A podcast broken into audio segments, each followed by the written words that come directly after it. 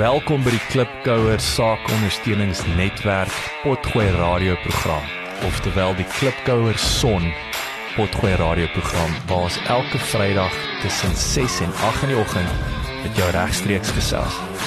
In hierdie episode fokus ons op finansies. Lekker leer, lekker luister. Pius. Hoor na. Hoor na, hoor na jou. Goed. Dit sal die laaste keer wees.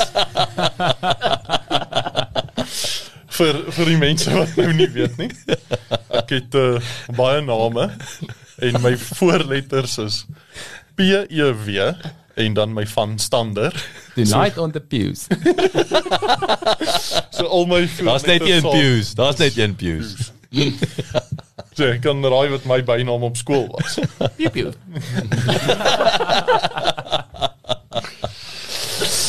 In elk geval, kom ons kom ons ernstige noot. Eers 'n bietjie ehm uh, finansies en uh, vandag is dan nou 3 uit 3 vir aftrede. Ehm um, ons het die vorige 2 weke gesels die 2 weke terug eers oor hoekom mense 'n spaarplan of 'n aftreeplan moet hê ehm um, goedjies soos wanneer gaan jy aftree, watse tipe lewenstyl jy wil hê. Laasweek het ons gepraat oor sewe emosionele maniere om om emosioneel voor te berei vir aftrede. Hmm. En dan vandag gaan ons nou bietjie meer prakties gesels oor hoe om te spaar vir aftrede. So hierdie is nou fisies die die finansiële advies gedeelte waar dit nou inkom en hoekom dit dan nou belangrik is.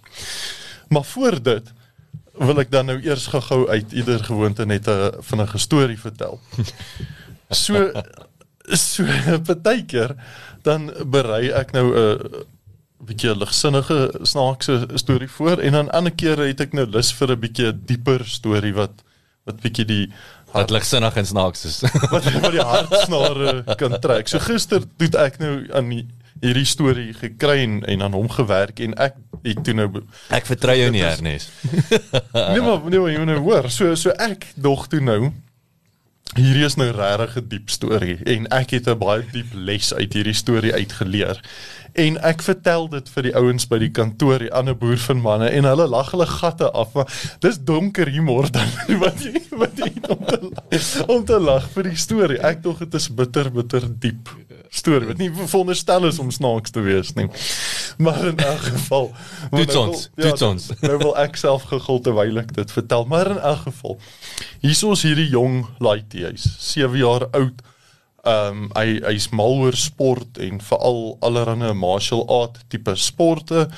Maar hy het op 'n vroeë ouderdom het hy sy een arm verloor in 'n geval en sy ma skryf hom toe eventually na hy nou baie gevra het en geneg het skryf sy ma hom in vir hierdie martial arts klas. Eers vra sy toe nou vir die sensei, "Hoor, jy gaan hierdie werk?" En hy sê toe, "Ja man, bring hom." Want hy's goed in martial arts. Maak hy alles. nee. In elk geval afdraande. ja. Hoe hoe maak mens nou 'n storie diep? Ek wil net sê jy kan nie is verby. Mochel. ja, mochel art. Ja ja ja. In elk geval, hy gaan toe na sy eerste klas toe en die sensei begin so half toe nou vir hom nou bietjie hierdie een move te wys. En volgende week gaan hy klas toe en sê sy wys vir hom dieselfde move. En week in en week uit doen hierdie ouetjie die hele tyd dieselfde move. Maar die ander kinders eh, of die ander kinders of die ander ander studente in die klas, hulle leer die hele tyd nuwe moves. En hierso na 4 of 5 maande gaan die ouetjie na die sensei toe en hy sê vir hom luister, die ander kinders leer die hele tyd nuwe moves en jy leer vir my dieselfde move van die eerste dag wat ek hier gekom het elke dag en die sensei sê net vir hom ek is ek's in beheer hierso. So na 'n hele jaar toe eh, kom die eerste uh, tournament nou op waar hy nou teen ander mense wat hy nog nooit ontmoet het nie teen hulle moet beklei. En die eerste fight kom met sy een move in in een move het hy daai ou plat. Daar wen hy sy eerste fight. Tweede fight klaar. Vinnig vinnig klaar. Hierso word dit nou ernstiger want hy elke keer fight hy nou teen iemand bietjie groter en sterker, maar is hy maak vir hulle klaar met die een move. Hulle weet wat kom. Hulle kry dit net nie gekeer nie. In elk geval en hier kom hy in die final. En dis nou 'n groot baie baie groter experience. En hy doen hierdie nou al lank. So dit vat toe nou 'n hele ruk om sy geleentheid te kry, maar toe hy 'n halwe geleentheid kry, daar klap hy daai move, daar's die fight klaar. Daar wen hy die tournament. Na die tyd gaan hy na die sensei toe en hulle praat nou bietjie oor die ding en hy sê, "Jessie, hy kan nie glo hierdie ouens het soveel moves, maar die, dit was maklik in die begin en bietjie moeiliker hier na die einde toe, maar elke keer werk hierdie move." En hy vra vir die sensei, "Hoe het jy geweet ek gaan met hierdie een move regkom?" En hy sê toe eerstens, weet jy wat, nee, daar's daar's twee redes hoekom jy die tournament gewen het. Die eerste uh, rede is jy het een van die moeilikste moves in martial arts 'n hele jaar lank net daai een move gewen.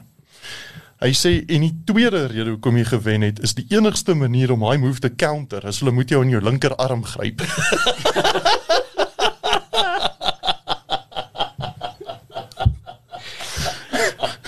maar hy vang dit nie, hy het nie 'n linkerarm nie, onthou. Hy kan hom nie gryp aan sy linkerarm nie. Dis die eerste counter measure. jy kan hom nie verdedig as jy as jy die as jy die uh, move wil vir vir defend. Dan moet jy hom aan sy linkerarm gryp en hy het nie 'n linkerarm nie. O, die ou begin met die ou het nie 'n linkerarm nie. Is dit die ding? Ja, hy het nie 'n arm, hy het O, hy het net okay, een alright. arm. Ja, alright. Maar hy het die begin van die grap kom. maar maar hy het dit sit aan ander goed hier so. Maar in elk Hy het alles Maar gehoor. dis is haar. Hy het my Marshall Marshall vasgehak. Hy is nou nog weer Dis-. Dit was 'n goeie joke. geval so, toe ek die storie nou gehoor het. dit was dit nie as 'n joke bedoel nie. So dit is eintlik 'n baie ernstige storie met, 'n mooi tipe teken. Dit is. As jy as jy geweet het maar Bruce Lee, daar's 'n famous Bruce Lee quote wat sê ek is nie bang vir die ou wat 'n miljoen moves ken nie. Ek's bang vir die ou wat een move miljoen keer geoefen het. Dit is Ja. Lee, ja. Ja, maar dan, dan het hy nog twee arms dan hierdie Ja. hierdie arme ouetjie. Die arme ouetjie. Ja, arme ouetjie. Het uh, Arm net een ouetjie. arm gehad. Maar in elk geval so so die les wat ek toe nou daar uit gevat het is dat baie keer kan jou grootste weakness ook jou grootste strength word. So die mm. feit die feit dat hy nie 'n arm gehad of net een arm gehad het was sy weakness, maar die feit dat hom nie aan sy linkerarm kon gryp nie was sy strength Ja. in in hierdie spesifieke ja. move gewees. En uh, toe dink ek nou tipies aan aan aftrede en en as Colonel Sanders mediumly ryk was in sy 60s, dan sou hy nooit die jump gevat het om sy grootste strength te bewaar wat KFC dan nou was nie. So so om so ryk te word in jou 60s, vat baie keer dat jy eers 'n uh, terugset nodig het. Terugset, dit, dit klink jy reg, maar maar ek gaan hom weer gaan. Anglicisme. Uh maar in elk geval. So so dit is dit is dan nou vandag se storie daai. Ek wil dan bietjie aangaan oor die aftrede ding en en om so effektief as moontlik te spaar vir aftrede.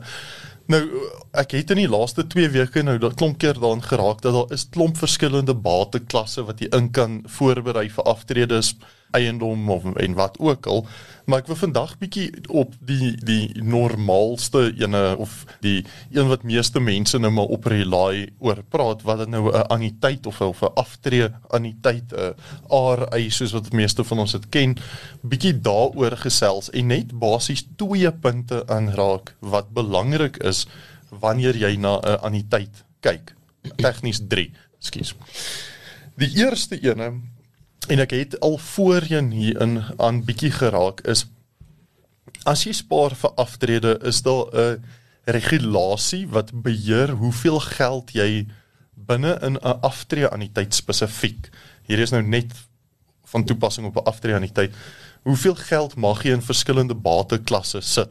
Soos regulation 28 soos ons ken is is hierdie ding wat sê jy mag net soveel in die of soveel in daai bateklas sit So die eerste bateklas is ehm um, aandele.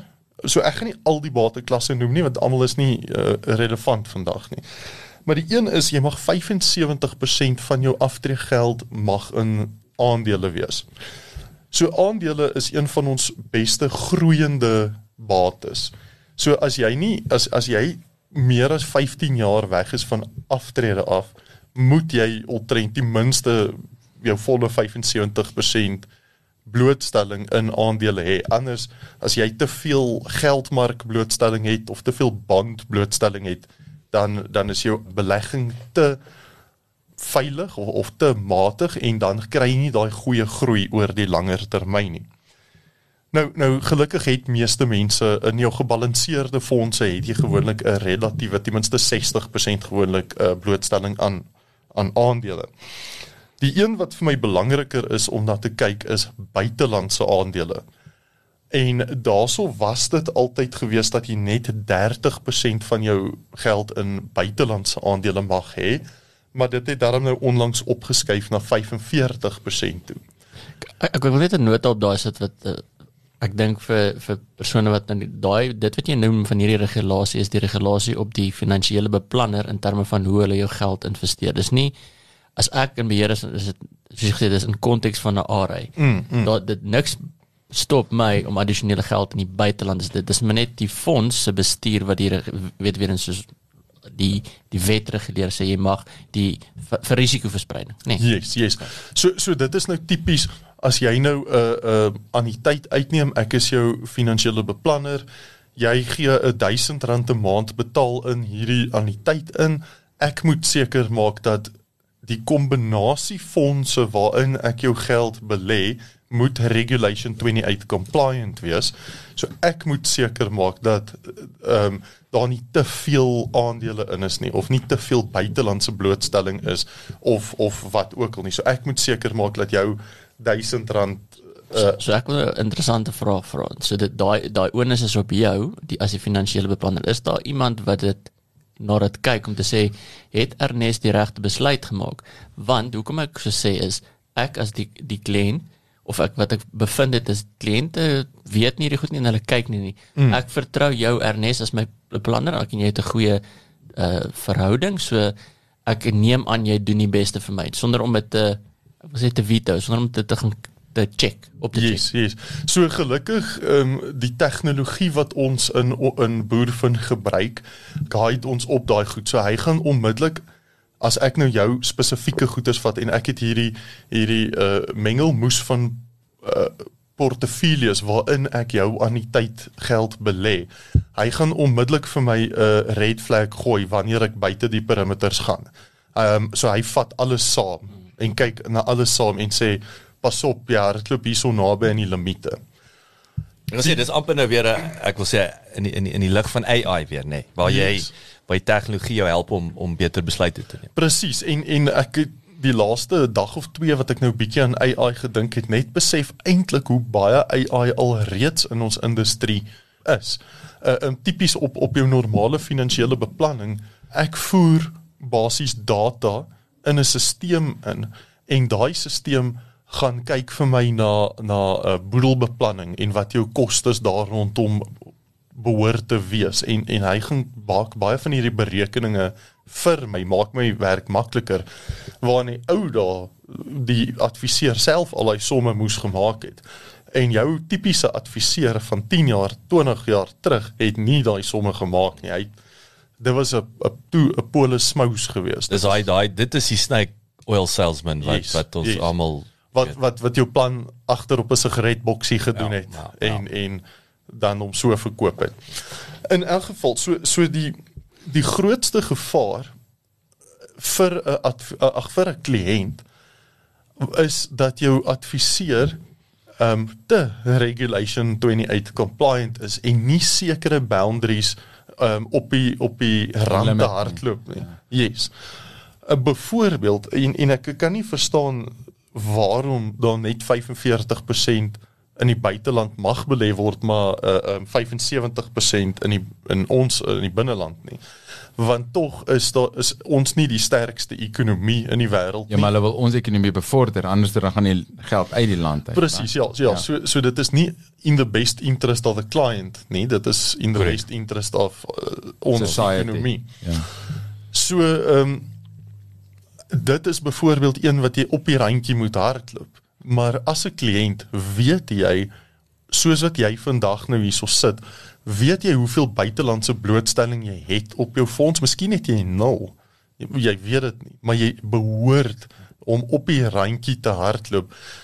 As jy kyk na die rand dollar, daarso word jy is jy gehedge teen die rand as jou geld buite is.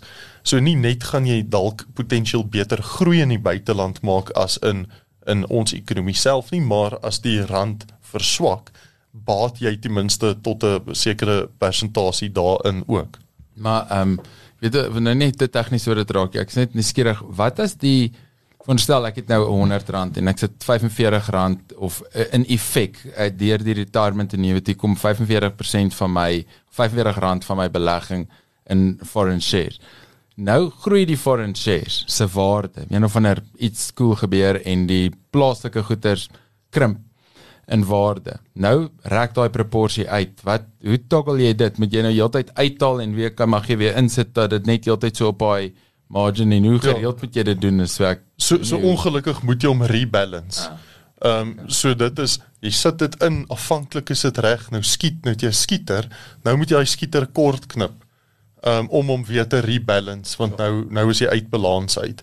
So daai gelukkig weer eens het ons die tegnologie om die hele tyd vir ons te wys wanneer jy uit balans is dat mens uh, uh changes kan maak daarso en, en seker maak hy's weer reg. So beskerm dit julle. Aan die ander woorde as as jy nou ek het uitskieter en oormôre is is die buiteland 75% van my portefeulje gaan julle in die moeilikheid kom. Of of wat wat is die gevolg Ja ja, daarvan? so so dan is jy buite regulasie. ek is ek alright nog. Ja, ja, ja, natuurlik. Eh, Ek moet hom nou net weer terugbring. So en meeste van die groot maatskappye doen dit. So as ek sê maar jou geld in een fonds belê wat se sê maar ABC investment fonds belê. Ehm um, S&P 500. kan julle toeloops in die S&P 500 in die buiteland? in die buiteland. Ja. Ja, so so daar's altyd 'n fondsbestuurder en en die fondse het 'n sekere hoeveelheid blootstelling. Binne-in dit Waar- dan maar waar self hulle- wie dit is. Ja, ja, Ja, jy ja. kan jy kan gaan kyk waar jou waar jou geld in die buiteland belê is. Ehm um, en hulle sal besluit wanneer die uh, uh 500 die beste is of wanneer jy ja Nasdaq of waar ook al jy dit dan nou wil belê. Ek wil nou nie te ne, veel net op hierdie een aspek fokus nie, maar die belangrike deel is om seker te maak hê buitelandse blootstelling moenie 'n te konservatiewe belegging hê of 'n portefeulje hê waar jy net 'n 5 of 'n 7% uh, internasionale blootstelling het as jy mag 45% blootstelling te hê uh, nie. Dan die volgende ene is geluiste eiendom mag jy 25% um, aandele in hê. Nou geluiste eiendom is is 'n kontroversiële ding baie keer uh party mense kyk hy fluktueer nogals baie. My opinie en hierdie is nie advies nie, hierdie is net 'n opinie is dat ek dink geluiste eiendom in die toekoms nou weer lekker gaan groei. Hy het nou sy gat mooi gesien in in COVID tydperk en ek dink die mense se tropdier kantoor gaan weer groter word uh, nie noodwendig soos wat dit pre-COVID was nie maar maar dit gaan weer 'n rol begin te speel en behuising kan ook daar daaronder val. So daaroor wil ek nou nie te veel van 'n opinie gee nie, maar die volgende ene is dat jy mag 15% private equity blootstelling hê. En ek voel dit is die geleentheid waar vir groei in 'n portefeulje om seker te maak dat jy daai 15% gebruik. Die beleggingshuise begin nou eers bietjie meer die waarde in private equity te sien want hulle is dis die differentiator. Die binnelandse equity, daar is net soveel uh, maatskappye op die uh, JSE. Hulle word daagliks minder. Daar's meer maatskappye wat die registreer as nuwe maatskappye wat wat noteer. Ja. En ehm um, die, jy jy het net soveel om uit te kies. So die een maatskappy, die een beleggingshuis en die ander beleggingshuis, hulle belê nie dieselfde goed. Die een belê net bietjie meer in die een en minder in daai een, maar die dit wat jou die edge kan gee op 'n volgende beleggingshuis is wat maak jy met jou 45% buitelandse beleggings? Wat maak jy met jou 15% uh, private equity? En dit is wat jou beter of slegter beleggingshuis kan maak as die volgende ene. Wat sê het jy idee van daai grootte van daai maatskappye. Ek neem aan dit is definitief nie start-ups nie. Daar van die private equity. Wat se tipiese Ja. uh hoe lyk hy maatskappye en Wel, industrie? Om 'n- om 'n simpel voorbeeld te noem is daar sou 'n beleggingshuis het onlangs 50% van We Buy Cars gekoop. En We Buy Cars is 'n tipiese uh um private equity waar waar jy nou goeie so nee, dit is nie 'n start-up. So dis amper is amper die 4 biljoen Ja, rand se so- maatskappy. So dit klink amper vir my soos wat wat ou nuus is is wat die die die fondse die malls gaan bou het en uitvier dit. Dis is amper dit uh, die private equity het 'n nuwe definisie of 'n nuwe geur. Ja. Dis nou meer die besigheid self nie noodwendig gaan bou die mall en Ja ja, so so jy soek 'n jy soek 'n maatskappy wat al klaar 'n biljoen sterk is, maar hy twee of drie direkteure en eh, ek ek meen daai Nee. geld daai geld wat hierdie beleggingshuis ge, vir 'n uh, WeBuy cars gegee het om halfte van hulle maatskappy te koop, het hulle toe nou basies gebruik om die wat het wat het hulle gekoop die ehm um, die droom. die, ja ja die Ja, dou- Randburg. Yes, yes. En hulle het hom gaan Dome, koop dome, ja. met Dome, nie die drone. nie drone nie. Dis 'n dier drone. Droom. en en dit het hulle in staat gestel om hulle besigheid next level te skuil en ek dink op hierdie stadium hulle domineer die tweede hands kar kar industrie. Ja. Ja, want daai ek dink dis Atterbury se fonds wat We Buy Cars gekoop het en ehm um, ek dink is die Dome nie daar by Northgate. En ek dink amper hulle besit ook Northgate. Ek, Ja, is die ou is die ou MTN dome. Ja, Ah, ja. mm. En Coca-Cola. Aan die kant Randburg, Wat is ja. nou die We Buy Cars Dome? maar- Ja ja ja, en hy's nou vol karre. So. Sjoe. Ehm um, in elk geval so so dit is die die verskillende die, die eerste tip wat ek wil gee is mm. weet waar's jou geld belê sodat jy actually uh, um daai die voordeel uit daai paar regulasies uit kan kry. Die volgende ding waarna ek wil raak is dan as jy nou begin te te spaar vir aftrede, is daar 'n paar belasting implikasies om in ag te neem.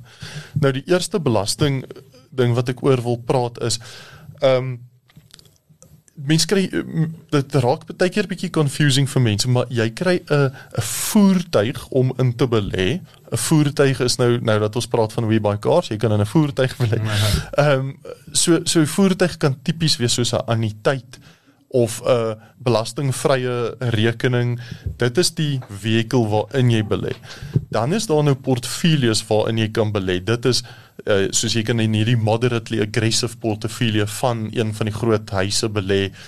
So dit is basies die petrol vir die vir die vehikel. So nou praat ons vinnig hierso oor anniteite en nou as jy 'n uh, portefeulje in het elke keer wat jy 'n uh, 'n verandering op 'n portefeulje maak, dan is daar sekere goederes wat verkoop word. So as jy bietjie groei gemaak het op 'n portefeulje, nou maak jy 'n verandering. Nou is daar belasting. 'n uh, ehm um, aandeel soos withholding tax. Ek sou vir oom Theo moet vra wat dit in Afrikaans is. Hy dink vir al hierdie goederes Afrikaanse name uit.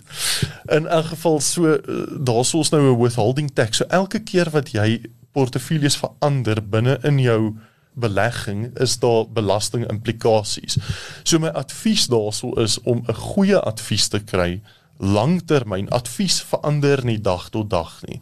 Adv goeie advies is 'n langtermyn advies en los daai goedjies uit. Nie die hele tyd 'n veranderingkie gaan maak nie. Dan 'n klein bietjie strategiese um, manier van van belasting Ehm um, en dit is waar weer waar ek dink die die advies belangrik is in in 'n persoon tot persoon ehm um, manier en waar AI nie altyd sal kan uh ehm um, oorneem nie. Is ek het onlangs wel, wel ek sê nou onlangs so net voor Covid het ek hierdie paartjie gaan sien. Die man was 'n baie suksesvolle eiendomsagent gewees. Hy het sy eie agentskap gehad, baie goeie geld gemaak en gelukkig baie goeie finansiële advies op daai stadium gekry en ehm um, goeie disability en al daai goed gehad. So op 'n stadium het hy 'n beroerte gehad en dit het, het baie sleg begin te gaan en sy disability moes toe hom uitbetaal. So hy trek maandeliks 'n salaris nog steeds van die versekeraar af. Nou inkomstebeskermer is betaal belasting vry uit. So hy kry nou hierdie bedrag geld elke maand belastingvry. Maar dit hou op op 65. So hy moet nou spaar vir aftrede uit sy maandelikse inkomste uit. Maar oordat hy nie belasting betaal nie, het hy nie 'n belastingvoordeel op sy anniteit nie, want dit was gekoppel aan jou inkomstebelasting. Waar sy vrou werk en sy betaal 33% belasting. So net deur om daai R5000 'n maand wat hy wegsit vir aftrede eerder in sy vrou se naam en hulle is binne 'n gemeenskap van goedere getrou en net om dit te skuif op haar naam waar sy 'n uh, 33 plus minus 'n persent belasting voordeel kon kry, het ek daai ehm um, 60000 rand 'n jaar wat hulle in die fonds inbetaal, het hulle 19800 daarvan teruggekry in ja. belasting. So net deur om bietjie kreatief daarso te wees. So dis omtrent 'n derde Ja, nice. wat wat terug. Nou as jy nou en en hierdie som het ek nou nie eers gaan maak nie, maar as jy nou daai 19800 Herbelê nie weer, nee. terug in daai fonds ingesit ja. en die compound effek daarvan oor 15 jaar dit wys jou net wat simpel belasting besluite aan jou fonds kan doen as jy dit nie reg speel nie. En 'n waarskuwing teen DIY en en quick fix en cheap quotes en ehm um, swapping policies en sommer vinnige advies en goeders. Presies, ja, ja, so daai daai belasting kan 'n uh, 'n uh, groot implikasie hê op op dit op die op die eindproduk die dag wat jy moet gaan aftree. En jy weet dit nie. As jy nie kwaliteit advies kry nie, gaan jy nooit weet die foute wat jy maak nie. En inteendeel het hulle op daai stadium 'n ander adviseur gehad, maar hy het dit nie raak gesien nie. En en toe ek daai klein tweak gemaak het, En hulle oop oop. toe en toe gaan hulle oë oop en nice. en besef toe nou jessie maar ons verloor meer as 19800 rand 'n jaar net omdat ons nie 'n klein tweak maak nie. Die volgende ding waaroor ek dan so net vinnig aan wil raak en en hierso is kostes. So so bo en behalwe die belasting aspek die kostes komponent binne in 'n belegging. Nou daar's ons hoofsaaklik 3 kostes wat jy binne in 'n tipiese belegging sal betaal. Nou daar's ons 'n studie onlangs gedoen en 49% van Suid-Afrikaners wat belê is nie eers bewus dat daar 'n kostekomponent is nie hulle Goeie weet nie aarde. Hulle weet nie daar's ons 'n kommissietjie betaalbaar nie. Hulle weet Hulle nie. verstaan nie hoekom kan Old Mutual al hierdie maratonne sponsor. Ja, En sulke mooi kantore hê. presies. Ja, en die ouens drink lekker koffie daar op hulle leerbanke. Ja. Wie wie betaal daarvoor? Uh kan eins ja. In elk geval so so die eerste ene is die die fondsbestuur fooi. En en dit gaan vir daai slim ouens wat jare lank gestudeer het sodat hulle beter kan raai. en Dit is nee. En daai ouens, jy jy kry nie 'n arm fondsbestuurder nie. Hulle hulle bly in mooi huise, hulle ry mooi karre en hier eh, kom die AI nou weer in. AI is besig om daai ouens mm. eerste te target. Mm. Al die groot Want hy hy hoef nie 'n Porsche te ry nie. hy hoef nie 'n hoef, poster hy hoef nie in, in Stein City te bly nie. hy mou nie oor die koffie nie. Maar hy wil in 'n nice data center wees. Hy wil 'n nice, dan 'n goeie aircon wees. in in elk geval so so dit is waar ek 'n groot verandering in in die toekoms van belegging sien. En dit is gaan en dis waar ek excited is is dit gaan daai fondse drasties afbring. Nou het jy vyf geleerde mense wat een keer 'n maand bymekaar kom en gesels oor wat hulle dink potensieel dalk mag gebeur. Dis vyf groot salarisse. Dit is 'n stadige proses want hulle kan nie net reageer nie want die vyf moet eers saam praat. Dis meeste multi-manager assets. Dis klomp asset managers wat saam oor 'n ding moet besluit. Dis nie quick nie, dis nie instant nie. Honderde rond is ching chong cha. Presies. Oh, daai kant. Ja. Baie ching chong cha wat moet gebeur. Ehm um, voor Dis check voor- dalk is dit reg daar. Gooi almal in die fishbowl. karsleutels. In 'n geval.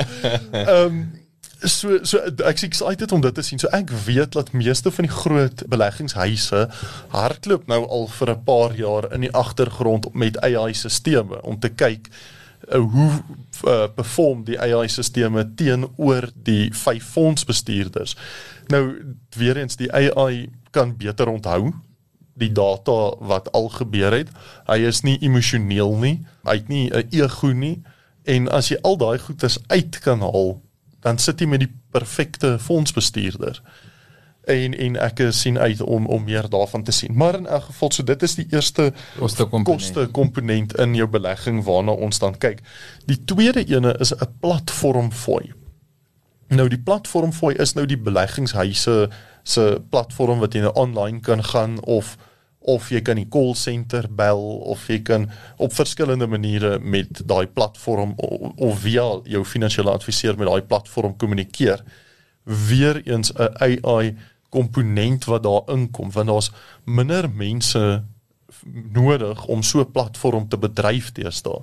Ehm um, ek weet actually in die industrie is daar al 'n paar platforms wat letterlik net deur een of twee mense beman word want dit is so digitaal die salarisse word so min die kantoorspasie word minder jy kan dit letterlik van 'n huis af so 'n platform bedryf en ek sien uit na die toekoms om te sien hoe daai fondse of fooie ook drasties kleiner gaan word as gevolg van tegnologie Fintech, Ja. Mm.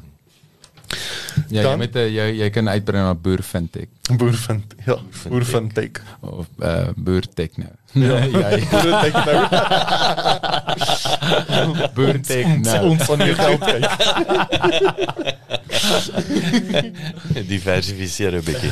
En dan die derde en laaste komponent is dan die een wat die sensitiefste is. Kyk, mense sal maklik betaal vir die platform fooi, hulle sal maklik betaal vir die uh f- die die fondsbestuurders. Maar die ou wat hom gehelp het moet net nie iets wil wen nie. Ja, maar die ou wat vir jou 19800 rand op 'n simpel tax ding spaar. Ja. Ehm um, hy moet nou net nie te kom gretig raak met my nie. Maar in elk geval maar ek stem saam.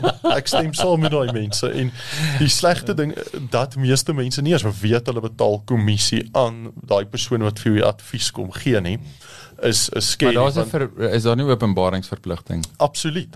Dit is 'n nie net ding, né?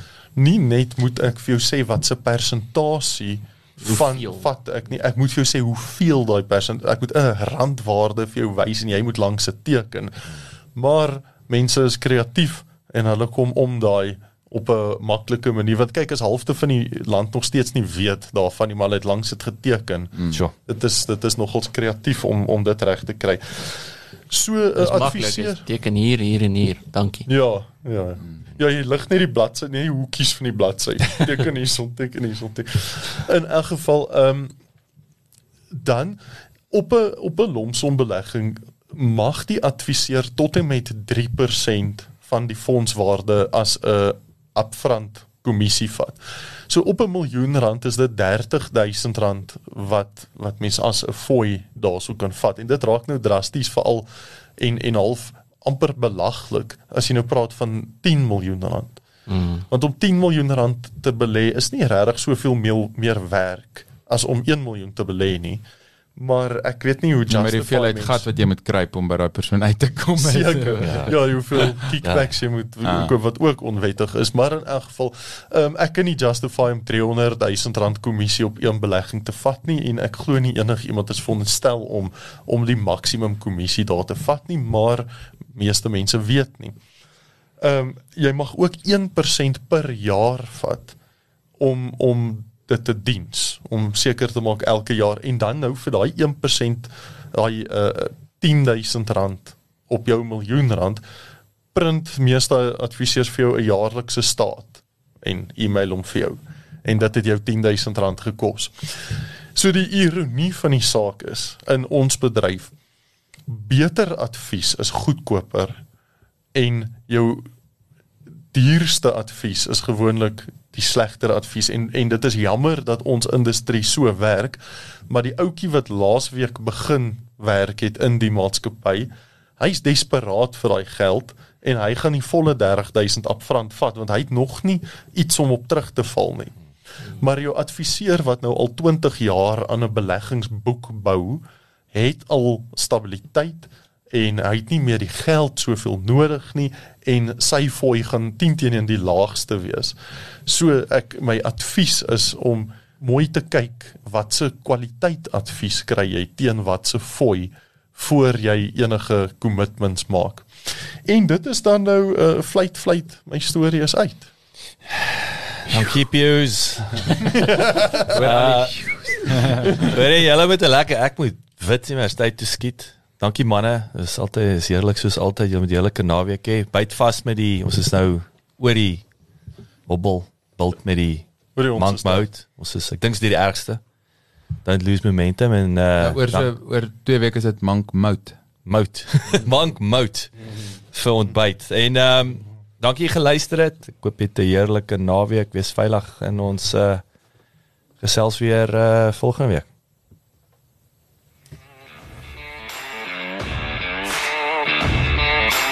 Dankie dat jy geluister het.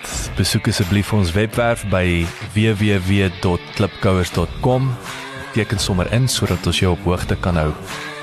Baie belangrik gaan luister na ons ander potgooi reeks en episode op Spotify, Apple Podcasts of YouTube.